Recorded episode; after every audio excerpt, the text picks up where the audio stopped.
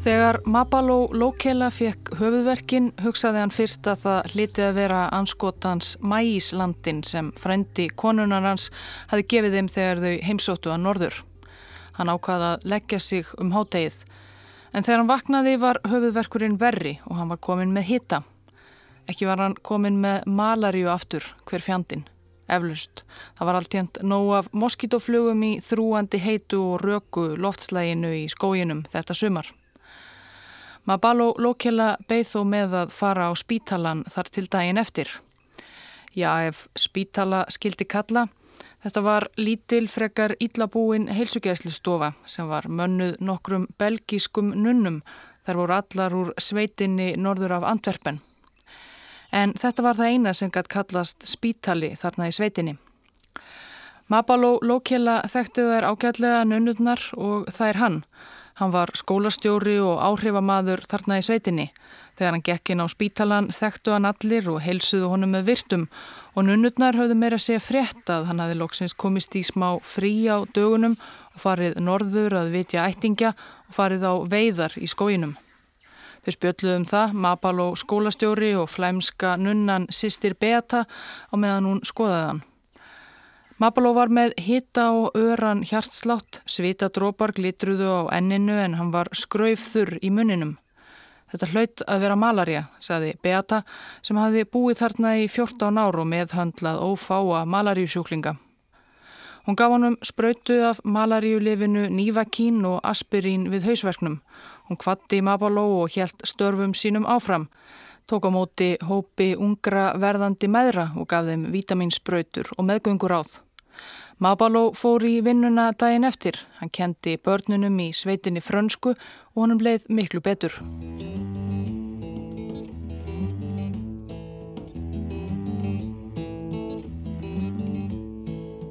Miðugudaginn 29. september 1976 barst sending á rannsóknarstofnunina í hitabelti sjúkdómum í Antwerpen, vandlega innpakkaður blár hitabrúsi úr plasti.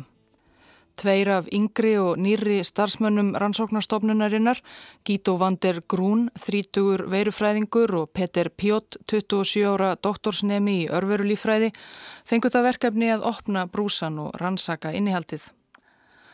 Með latex hanska og höndum heldu þeir úr brúsanum súpu af hálf bráðnuðum ísmólum, rauðleitu vatni og glerbrótum.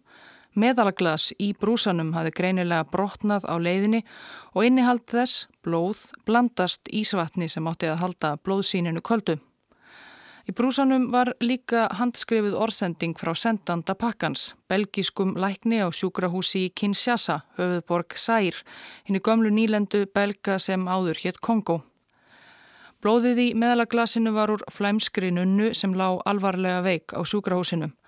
Ætlunin hafi verið að senda hana heim til Belgíu í rannsóknir en hún var orðin of veik til ferðalaga. Læknirinn Jacques Cortey vissi ekki hvað það var sem amaði að nunnunni. Það var það sem hann vildi að kollegar sínir á hitabelti sjúkdóma stofnunin í Antwerpen kæmu stað en hann vissi að hún var ekki svo eina sem þjáðist af því sem virtist vera einhver óþægt en lífshættuleg farsótt sem hafi blossað upp skindilega í afskektri sveiti í Ekvator hér aði nýrst í sær fyrir september. Það var vinnuregla á stofnuninni að klæðast latexhönskum, annars voru ungu vísindamennir ekki í öðrum hlýðarbúnaði þegar þeir meðhandluðu blóðið úr nunnunni. Ég fylg þú þeir vissu að það gæti verið smitandi. Þeir voru frekar spendir, sérstaklega sá yngri, doktorsnemin Peter Pjótt. Hversu oft hafði hann ekki látið sig dreyma um að uppgöta áður óþektan sjúkdóm eða veiru og um rannsóknarferðir á framandi slóðir eins og til Afríku. Kanski var þetta tækifærið.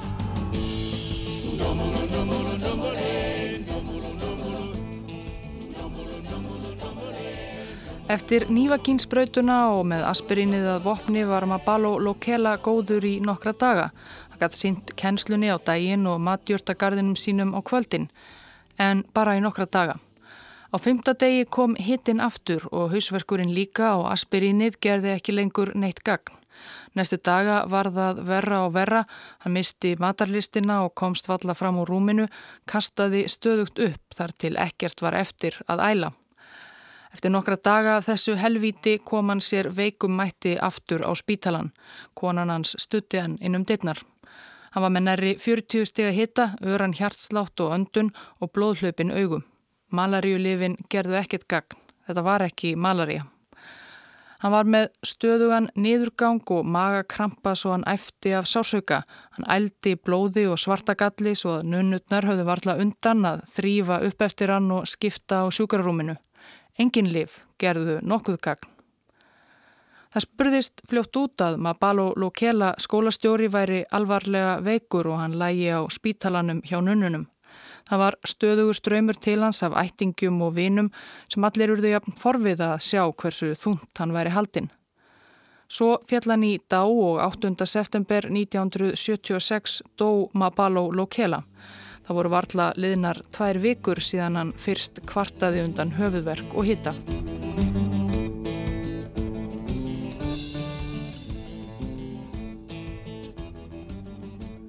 Jacques Cortey, belgíski læknirinn á sjúkrahúsinu í Kinshasa sem sendi löndum sínum á hitabeltis sjúkdómastofnunin í Antwerpen bláan hitabrúsa með blóði fársjúkrar nunnu nokkru síðar í september 1976. Hann taldi líklegt að hún og aðrir sjúklingar hans væru með einhvers konar gulusótt þó svo að þær miklu blæðingar sem flestir þeir sjúku þjáðust af væru almennt ekki enkenni gulu. Þegar sjúklingarnir voru langt leitir streymdi blóður flestum líkansopum þeirra og þeim blætti innvortis líka. Það var það sem dró marga til dauða. Kanski var þetta þó einhver skild veira, svo að það var það fyrsta sem doktorsneimin Peter Pjott og félagar hans í Antwerpen skimuðu eftir þegar þeir rindu í blóð nunnunar í smásján sínum. En þetta reyndist ekki vera neitt sem líktist gulum. Ekki var þetta heldur lassasótt sem lengi hafði herjað á fólk í vestur og miðafriku, nýja nokkuð sem vísindamönnunum datt í hug að reyna. En eitthvað var einhvað síður í blóði nunnunar, eitthvað hættulegt. Það var augljóst þegar þeir spröytuði í nokkrar tilraunamís sem drápust allar ekki löngu síðar. 30. september, daginn eftir að blái hittabrúsin barst á rannsóknarstofnunina í Antwerpen, lést belgíska nunnan á sjúkrahúsinu í Kinshasa úr þessum óþekta sjúkdómi.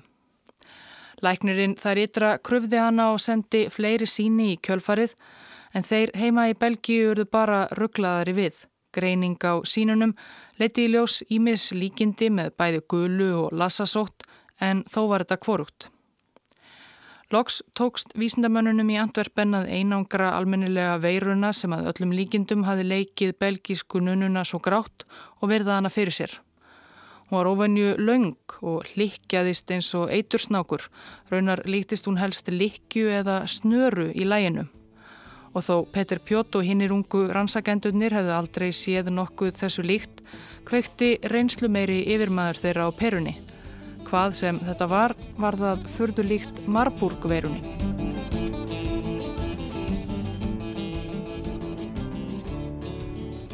Marburg-veiran hafi verið uppgötuð bara tæpum áratug áður í Þýskalandi. Starsmenn í Þýskri livjaversmiðju veiktust heiftarlega eftir að hafa meðhandlað lífsíni úr afrískum öpum. Á fjórða tug síktust, þeir fengu háan hita og það blætti úr ímsum líkansopum og sjö letuðalokum lífið. Í kjálfarið var Marburgveiran skilgreynd af alþjóða heilbriðistofnuninni sem síkill á fjórða hættustígi. Það var hæstastígið og þýtti að Marburg var bráðsmitandi og lífsættuleg og þyrti að meðhöndla af ítrustu varkárni. Vísindamennir í Antwerpen voru með eitthvað svipað í höndunum sem þeir hafðu fengið sendt með hefbundnum pakkapósti í brotnu meðalaglas í ódýrum hittabrúsa, meðhöndlað íklættir latexhönskum og engu sérstöku öðrum. Einu sinni hafði einn ungur vísindamæður mist tilraunaglas úr höndunum og innihald þess sullast yfir skónans. Hann þurkaði skóna, æ, ekkert stórmál. En það var ekki beint svona sem alþjóða helbreyðistofnunin mæltist til að meðhandla síkla á fjórða hættustígi.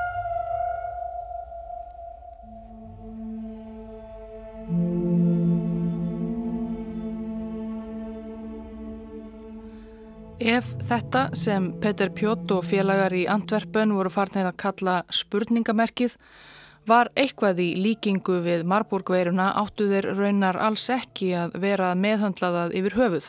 Þeir eruðu korki reynslu til nýja nöðsynlegan örgisbúnað. Þeir voru ekki þeir einu sem veldu vöngum yfir farsóttin í Sær þessa haustdaga 1976. Dularfullir döðdagar í afskektri sveit í norðanverðu landinu höfðu spurst út og síni úr látnu nunnunni Kinshasa höfðu verið sendt víðar, meðal annars á eina fremstu rannsóknarstofnun heims á sviði farsóta, sóttvarnastofnun Bandaríkjana Center for Disease Control í Atlanta. Þar á bæ voru menna komast að sömu niðurstöðu og belgarnir. Þetta, hvað sem þetta var, sem hafði orðið nunnunni að aldur tila, líktist Marburgveirunni og var stór hættulegt. Í gegnum alþjóða heilbriðistofnunina fengu belgarnir skýr tilmæli, hætta öllum rannsóknum samstundis og pakka saman öllum sínum sem þeir áttu og senda til Allanda. En Petter Pjótt átti erfitt með að sleppa takinu af ráðgátunni.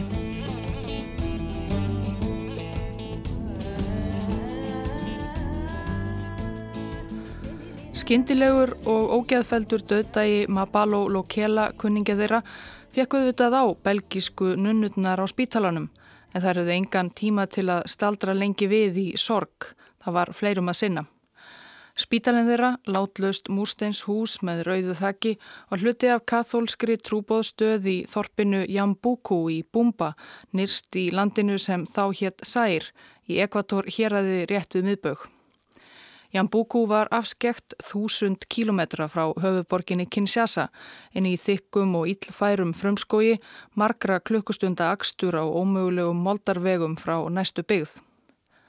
Eins og í flestum þorpunum á þessum slóðum voru íbúar Jambuku bara örfá hundruð en spítali sistrana frá Antwerpen var eini spítalin sem talist gata á stóru svæði og þjónaði ótalslíkum þorpum í nágrenninu, allsum 60.000 manns. Starsliðið tók reglulega á móti alltaf 400 manns á dag sem margir komi langt að og þjáðust af öllum mögulegum meinum. Þó var á spítalanum í Jambuku ekki ein einasti læknir, bara fjórar nunnur sem höfðu fengið grundvallar þjálfun í hjúgrun heima í Belgíu og átta innfættir særbúar með mismikla þjálfun og reynslu. Líf og nöðsynleg tæki og tól voru líka annarkvort ekki til eða af mjög skortnum skamti yfir leitt. En nunnurnar hreinsuðu stofuna þar sem Mabalo hafði varið sínum síðustu æfistundum og þóðu blóðu rúmfötinn og heldur svo áfram. Það var nóg að gera, taka á móti þunguðum konum og veikum börnum og gefa Novakín og Kínin við malaríunni. Útför Mabalós var fjölsótt eins og við var að búast. Allir vildu votta skólastjóranum mikilsmetna virðingu sína í hinsta sinn að þarlendum síð þóðu konurnar í lífi Mabalós líkans og byggu til greftrunar, eiginkona hans Mabunsu, móðir hans tengdamóðir og mákona og sátu yfir því í tvo daga á meðan sirkjendur streymdu að, struku andlit hins látna og gretu. Síðan fylgdu þær Mabalo Lokela hinsta spölin að bálkestinum sem skildi tryggja að sál hans losnaði úr líkamleiri skélsinni og öðlaðist frið. Nokkrum dögum eftir útför Mabalos var eiginkona hans Mabunso líka orðin veik sem og móðir hans mákona og tengdamóðir og sjúkrahúsi nunnana í Ambuku byrtust enn fleiri sem síndu svipuð enkenni, hitta og höfuverk sem fljótturðu að blóðu um uppkostum og niðurgangi. Littla vannbúna sjúkrahúsið í skóarþykninu fylltist á fáum dögum af fársjúku fólki svo að nunnurnar og samstagsmenn þeirra höfðu ekki undan. Margir dóu á örfáum dögum úr livrar eða nýrnabilun eða blóðmissi eða vesluðust einfallega upp. Sjúkdónum fylgdu líka ógnvænleg andleg enkenni. Margir virtust missa vitið, öskruðu stöðust út í loftið, sáu offsjónir, þekktu ekki lengur ástvinni sína, flúðu sjúkrarúmin og hlöpu út í buskan. Ofsarhæðsla greip um sig í Jambuku og þorpunum í nágrenninu. Aldrei hafði neitt þessu líkt sérst þarna í sveitinni. Dæmi voru um að múur réðist á fólk sem grunað var að væri veikt af sóttinni og brendiða lífandi. 12. september, fjórum dögum eftir dauða Mabalo Lokela, veiktist svo einu nunnan, sýstir Beata, svo sem hafi tekið á móti Mabalo í byrjun mánaðarins. Hún fekk hita og beinverki og svo ógleði og niðurgang. Sisturnar vissu orðið hvað það þýtti.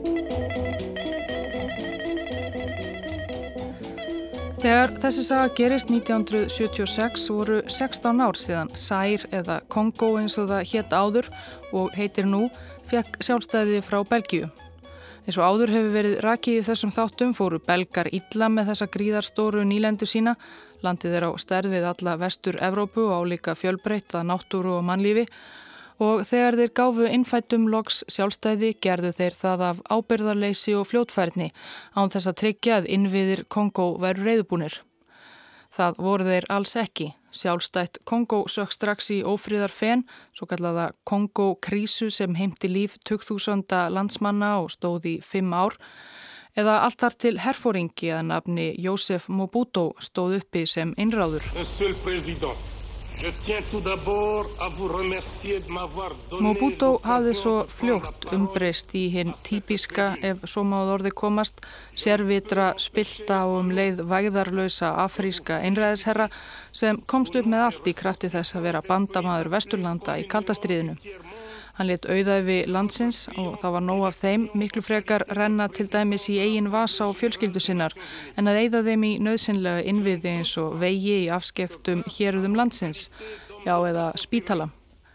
Árið 1971 hafði hann breytt nafni landsins úr Kongo í Sær, liður í því sem hann kallaði Afríku væðingu að losna við alla arfleð nýlendustefnunar, vestur, evróskrar, menningar og katholskunar.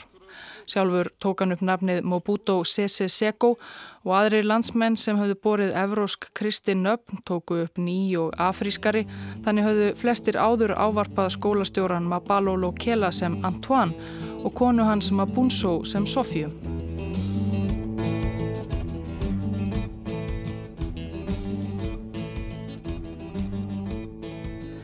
Eftir að sýstir Beata veiktist notuðu hinnar nunnurnar frumstæða talstuðu spítalans til að kalla eftir hjálp. Þær réðu ekki við þetta.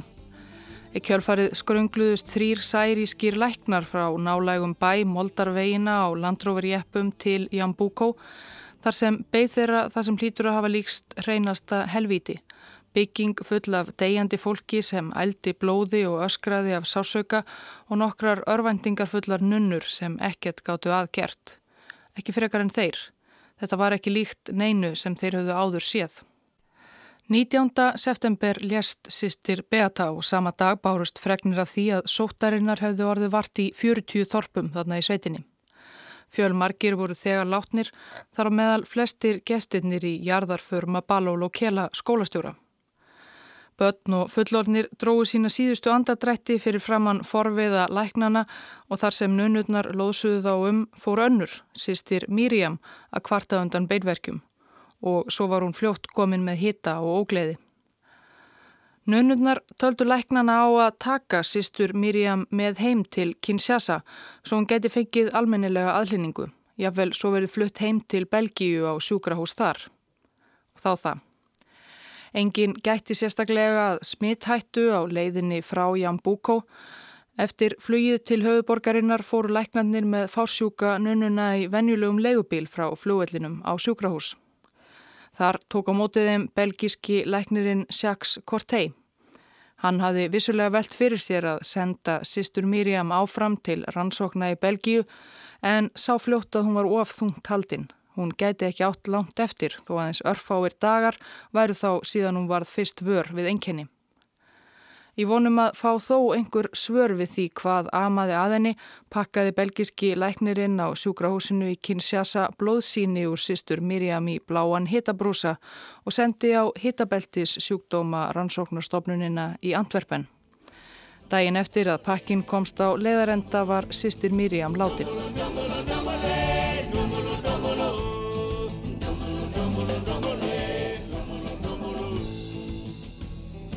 Petter Pjótt og kollegum hans í Antwerpen hafi verið skipað að hætta að rannsaka það sem þeir kölluðu spurningamerkið, síkilinn sem hafi leitt Mabalo, sýstur Beatu og Miriam og fjölda annara til dauða í sær, en Pjótt gæti ekki sleft takinu. Ungi doktorsneminn, jafnan óframfærin týpa, tók sér til og hjælt á fundi í þróunarmálaráðuneti Belgiu og krafðist þess að fá að fara til sær til að rannsaka málið. Þetta var mál sem varðaði Belgíu beint, belgískir ríkisborgarar voru að deyja. Petur Pjott fekk leifir áðuneyti sinns til að fara á vettvang sem fulltrúi belgískra stjórnvalda. Hann var 27 ára og hafði aldrei áður farið út fyrir meginland Evrópu.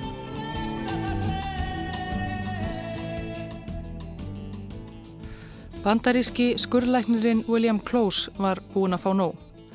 Hann hafi verið í Sær í mörg ár, síðan áður en landið hétt Sær og margir töldu enn að Mobuto erði landinu góður leðtogi. Klós hjælta líka lengi vel. Hann hafi enda verið enga læknir leðtogan sem langar hríð. Auk þess sem einn reynslumesti læknir landsins rakan meir og minna stærsta spítala Kinshasa.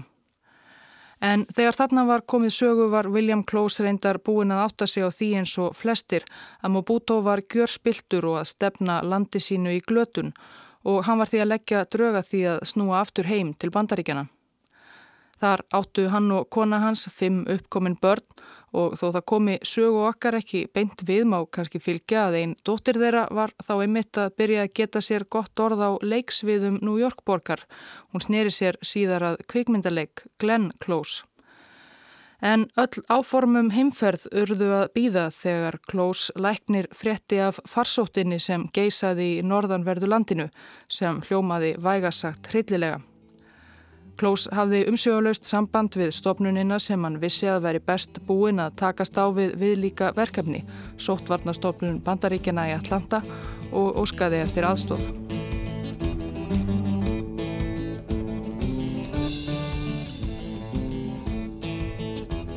Í byrjun oktober 1976 voru tíu af 17 starfsmönnum litla spítalans í Jambúkó annarkvort þegar látnir eða orðnir veikir og lágu fyrir eldu blóði og öskruðu í sásauka og óráði.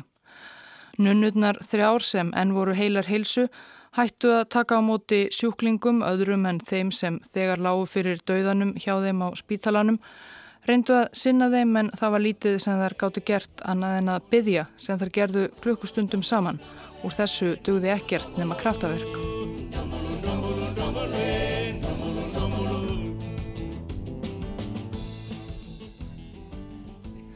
William Close beitti öllum sínum áhrifum.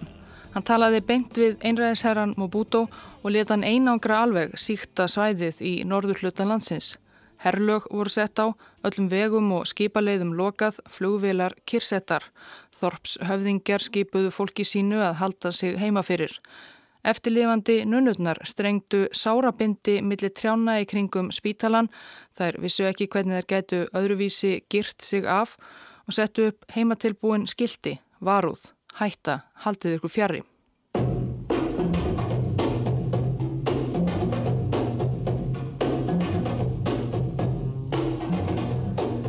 Um 700 km austur eins og fugglinn flýgur frá Jambúkó var annað lítið afskekt þorp, Nasara, eins og Jambúkó bara örfáir moldarvegir og láreist hús en þó þorpin væri á svipaðri breytargráðu tilheyrðu þau ekki sömu ríkjum. Nasara var síðst í því sem þá var stærsta land Afríku, Sútan. Og sútanska þorpiði Nasara var svo afskekt að fréttir, ef einhverjar voru, voru lengi að berast aðan og stjórnvöldi í höfuborginni Kartum næri 2000 km í norður átt höfðu litla sem enga hugmyndum hvað væri þar á seiði og einlega ennþá minni áhuga á því. Það var því skiljanlegt að fréttir frá Nasara í Sútan væru lengi að berast til höfuðstöðva alþjóða helbriðstofnunarinnar í Genf. Það var komið fram í miðjan oktober og stofnuninn var í óða önn að undirbúa för fjölþjóðlegs sérfræðingahóps að rannsaka óþekta farsótti í sær þegar fréttir bárust að meira en þremur mánuðum áður í lok júni 1976 hafði starfsmæður bómullarvesmiðu í Nasara vext af dölarfullum sjúkdómi.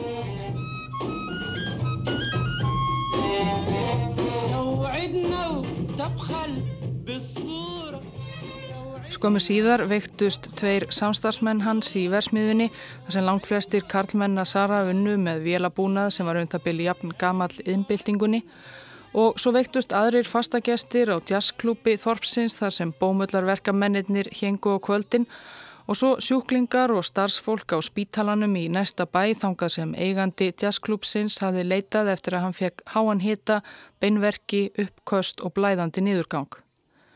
Þegar komið var fram í oktober hafðu 59 látið lífið með svipuð enkenni í Nasara og nákrenni og annað hundrað veikst. Það voru meira en 700 kilometrar af torfæru skó og graslendi sem skildu að Jambuku í Sær og Nasara í Sútan. Var þetta tilviljun eða lendist eitthvað lífshættulegt lendarmál í skóinum? Mátti búastu því að fleiri þorp færu eins og Jambuku og Nasara. Starsmönnum alþjóða helberiðstofnunarinnar rann kallt vatn milli skins og hörunds við tilugsununa.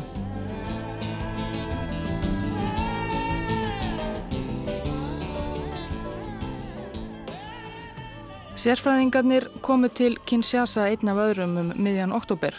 Það var meðal annara útsendari frá Alþjóða heilbriðistofnuninni, tveir frá sóttvarnastofnun Bandaríkjana í Atlanta með fulla kassa af öryggisbúnaði og smásjám, eitt frá Pastörstofnuninni í Fraklandi, annar frá rannsóknarstofu Breska varnamálaráðuneytisins í Porton Down á Englandi og svo var Peter Pjott, doktorsnemin sem hafi hálpartin heimtað að fá að vera með sem fulltrúi belga.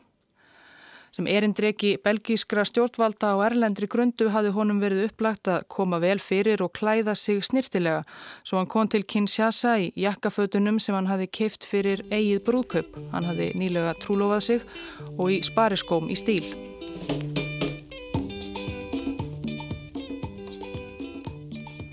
Í þeirri múnderingu fór hann út á lífið í Kinshasa fyrsta kvöldið sitt í Sær þó svo að landið og stjórnendur þess veru spiltir og vanhæfir var borgin ein af stórborgum Afríku um þetta leiti og mannlífið og tónlistin sem ómaði um borgina þegar kvöldaði var belgíska doktorsneimanum ómúðstæðilegt.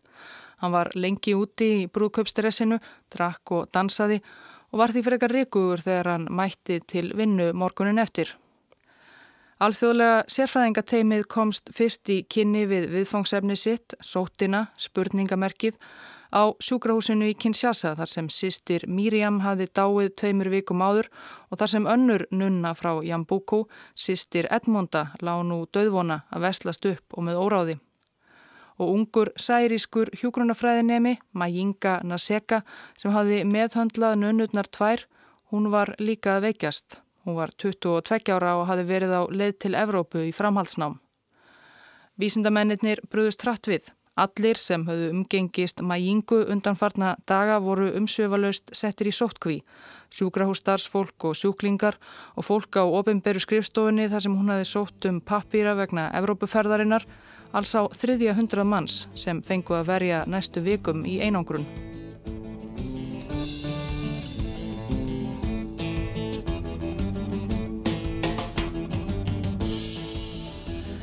Vísindamennir hins vegar heldu út í sveit. Bandaríski læknir Mobutos, William Close, hafði tekið á mótið þeim við komuna til Kinshasa og eftir nokkuð stapp við einræðisherran hafði hann fengið C-130 herflutningavél til að flytja sérfræðingana útbúna þeirra á landróvera áleiðist til Jambuku. Það var hægara sagt en gert að komast þangað.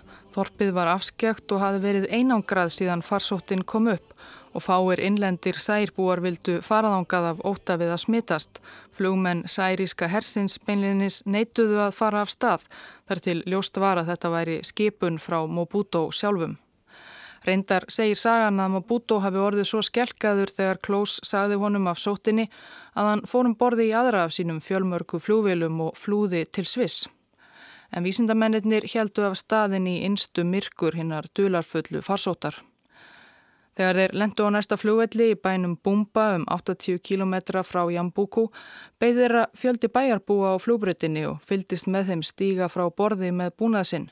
Íbúar í Bumba höfðu eins og aðrir í sveitinni verið í einangrun dögum saman og þar í bænum hafði fólk líka fallið úr farsóttinni. Kanski skiljanlegt að fólk væri því forvitið en það vissi engin hvað væri um að skilja. Frá Bumba heldu sérfræðingarnir áfram á landróverunum tveimur eftir svo ómögulegum vegum að þeir voru mestanpart dagsins að skrönglast þessa tæpu 80 kílometra. Þegar þeir loks komust á leiðarenda mætti þeim ekkert nema þögn. Þær fáu götur í þorpinu voru mannlausar, byggingarnar allar kyrfilega lokaðar, ekki sála á ferli, ekkit af isnum og þisnum sem vanalega innkendi allt mannlífi sær, hvort sem það var í stórborgum eða smáþorpum. Bara þögn. Þeir þorpsbúar sem enn livðu treystu sér líklega ekki út. Þegar þeir nálguðust spítalan sáu þeir sárabindið sem nunnurnar höfðu strengt í kringumann og varuðarskiltinn. Þegar þeir þó komu nær stukku þrjár nunnur hlaupandi út, böðuð út örmunum og hrópuðu, ekki, ekki koma nær, þið degið. Petur Pjótt tók af skarið, stökk yfir sárabindið og hrópaði til nunnana á flæmsku. Þá lippuðust þær allar niður á jörðina og gretu, svo feignar voru þær að heyra mælt á móðurmáli sínu og að hjálpin væri loksins komin.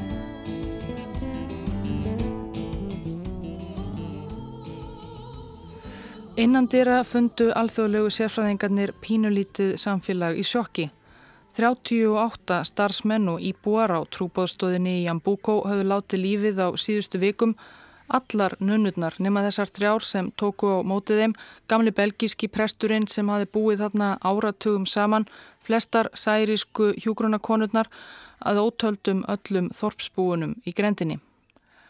Nunundar þrjár sem eftir livðu höfðu verið dögum saman svo gott sem lamaðar af sorg og hjálparleysi var alltaf lengur færar um að byggja. Vísindamennir komið sér fyrir í tómri skólastofu í því sem einu sinni hafi verið barnaskóli trúbóðana. Þeir vissu ekki hversu smitandi meinið sem hafi glift Jambúko í sig var eða hvernig það smitaðist en þeir urða að hætta á að gista þarna. Til öryggis mældu þeir sig allir tvissar á dag.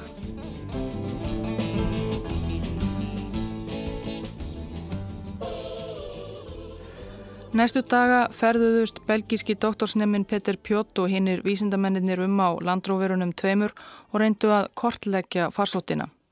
Hver hafi dáið hvar og nákvæmlega hvernig og hvener, hversu margir í allt. Í flestum þorpum fundu þeir sjúka og deyjandi og tóku þó blóðsíni með ítrustu varkárni en gáttu lítið gert til að lina þjáningar hinn að sjúkum. Þeir kunnu enga löst, vissu ekki um neina lækningu. Aðalatriðið var bara að reyna að stemma stigu við frekari smitum. Þetta var líjandi vinna. Eðileggingin af völdum farsóttarinnar reyndist enn meiri en þeir höfðu áttu von á. Sum staðar höfðu heilu fjölskyldurnar þurkast út. Það varð fljótt mat vísindamannana að þetta væri eitthvað miklu skæðara en Marburgveiran. Sóttin verðist hafa nátt til að minnstakosti 46 þorpa og það voru meira en 300 látnir. Lang fæstir virtust lifa það af að veikjast. Meðal þeirra örfáu sem þeir fundu var Mabunso eða Sofia, kona Mabalo, skólastjóran sem virtist hafa verið fyrsta tilfellið í Jambuku. Hún hafi veikst eftir jarðafur einmannsins en komist lífs af og losnað við enkenni. Vísindamennir tóku blóðsíni úr henni og gemdu til góða ef skekkinni að einhver staðar í því gæti kannski leinst lækning við öllum þessum hryllingi. Kannski. Eitt virtist þó vera ljóst. Sóttin virtist vera í einhverju rénun, það versta yfirstaðið. Með því að einangra þá sem enn voru sjúkir væri því mögulega hægt að koma böndum á farsóttina. En hvaðan hafði hún sprottið?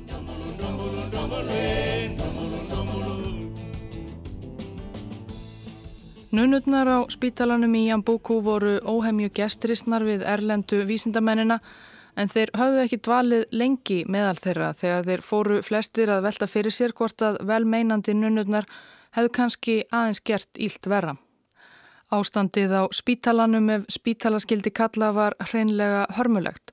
Allur búnaður var æfa forn, ímis nöðsynleg tæki og tól af skortnum skamti, sóttreinsun án Eva ábútafand, lökin á rúmunum þóðu væru þvegin reglulega allsett gömlum blóðblettum. Og nunnutnar sjálfar auðvitað allsengir læknar, ekki einu sinni hjúgrunafræði mentaðar ein einasta, hafði sóttinn smitast svo víða í gegnum spítalan. Vísindamennir tóku til dæmis eftir því að nunnutnar með sinn fátæklega útbúnað endur nýttu hverja spröytunál oft og mörgum sinnum. Kvöld eitt sátu vísindamennir að sumbli aldrei þessu vant að drekka bandarist búrbón sem einhver hafi komið með frekar en nær ódrekkanlegan innlendan landa. Þeir voru farnir að kalla sjúkdóminn Jambuku veiki en svo kvarlaði að þeim að það væri ekki sérlega góð landkynning fyrir þessa vinalegu sveit að verða að eilífu tengd við hryllilegan sjúkdóm. Einhver dró fram landakort. Það var ágætt að kalla veirur og sjúkdóma eftir ám. Það móðgaði engan. Og þó varðla var hægt að kalla sjúkdóminn eftir hinnu mikilfenglega kongofljóti sem rann þarna nálagt, reyndar kallað sær þá eins og landið allt. Þeir ríndu því betur í kortið. Ekki svo langt og norður af Jambúkó sáu þeir aðra og minni á eina af óteljandi þverám Kongo sem já, gott eða var ekki hægt að nota nafnið hennar. Þetta var ebola áinn og sjúkdómurinn fekk upp frá þessu nafnið ebola.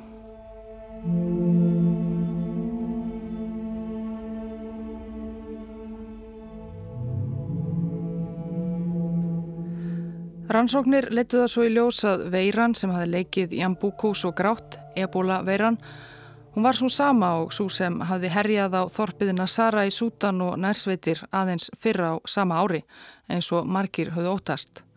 En hvernig mátti það vera? Einn af bandaríkjamönnunum í Sær tók það á sig að ferðast 700 kilometrana millir Jambúko og Nasara í Sútan til að reyna að koma staði hvort einhver samgangur hefði verið millir Þorpana sem hefði geta borið sjúkdóminn á milli. Það var erfið ferð sem tók hann marga daga. Meintir vegir á kortum reyndust vera beljandi ár eða skóarþykni.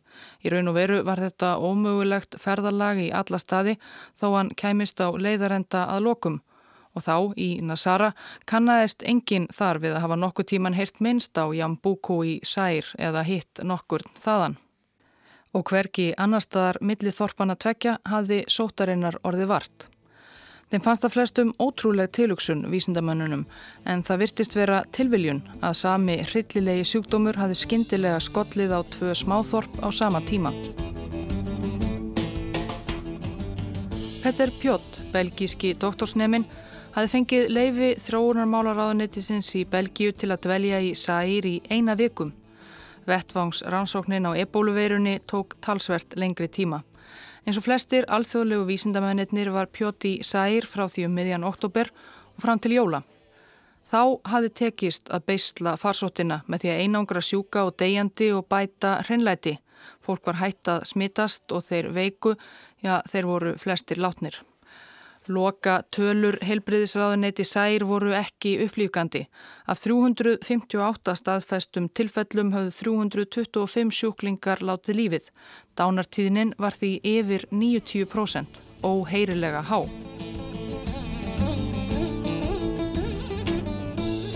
Einangrunnar áttakið í höfuborginni Kinshasa bar þó árangur.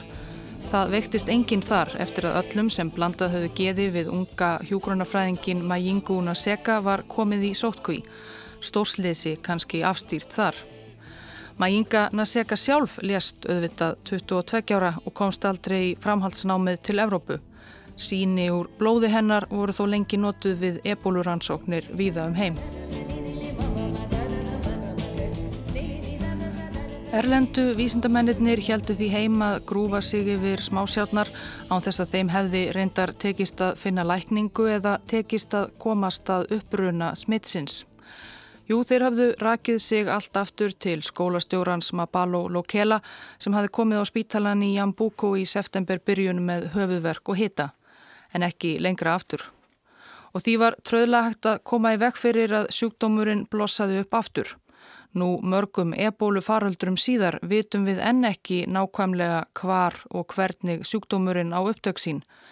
Líklegast er talið að hann berist í mennur einhverjum af þeim lífverum sem byggja afrísku skóana, kannski úr öpum eða það sem talið er sennilegast ávaksta leðurblökum. Það var nóg af leðurblökum sem heldu til í hörlegu bómullarvesmiðunni í Nasara í Suður Sútan, þar sem fyrstu fórnarlömp ebólu sem við þekkjum til púluðu og fyrsta fórnarlampið í Sær, skólastjórin Mabalo Lokela, það má leiða líkum að því að hann hafi smitast einhver tíman í langþráðu fríinu sínu síðsumars 1976. Þegar hann fór að heimsækja ættingja í þorpunum norður af Jambúkó, drakk mæs landa og fór á veiðar og kom heim klifjaður af antilópu og apakjöti úr skóinum. Það er ekki ólíklegt að sjúkdómurinn hafi þá kannski leinst í einu aparhæginu. Síðari ebólufaraldrar hafa verið raktir til þess að fólk laði sér til munns simpansa eða aðra apa. Kanski hafðu þeir komist í tæri við síkta leðurblökum. Versti og mannskeiðasti ebólufaraldur sögunar í vestur Afríku á árunum 2013 til 16 sem var næri 12.000 manns að bana. Það tókst að reykja hann aftur til eins tveggja ára gammal strengs, Emil Uamono, sem lést með blóðugan niðurgangi í smáþorpinu Meliandó í sunnanverðri Gíniu. Þaðan fyldi sjúkdómurinn kunnulegum farvegi, fjölskylda Emils litla dó og sirkjendur í útför hans og svo aðrir sjúklingar á sjúkrahúsinu sem fólkið leitaði til og ekki leið og löngu þar til sjúkdómurinn hafi breyðst út til fjölda landa. En nákvæmlega hvernig hann barst í tveggja ára drengin Emil vitum við ekki fyrir víst.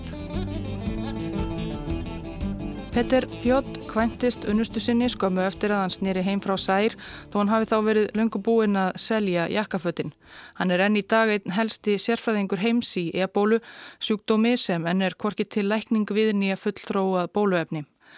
William Close sagði starfi sínu fyrir Mobuto lausu og flutti heim til bandaríkjana og Glenn dóttur sinnar. Flæmsku nunnurnar þrjár sem lifiðu faraldurinn af voru áfram í Jambuko og með hjálp fleiri trúbóða og innlendra sjálfbóðaliða byggðu þær upp starfsemi sína á nýjanleik, líka spítalan. Síðar í rannsóknir leitið þó í ljós að það var óneitanlega spítalanum þeirra að kenna að faraldurinn breytist svo hratt út sem hann gerði. Óvenni mörg fornarlömpi í Jambuko og nákrenni voru óléttar ungar konur. Það hefðu komið til nunnana að fá B-vitaminsbröytur til að styrkja sig og ófætt börnin en í gegnum endur nýttar óhreinar spröytunálar endað með ebólu sem dróð þær flestar til dauða og ófætt börn þeirra líka.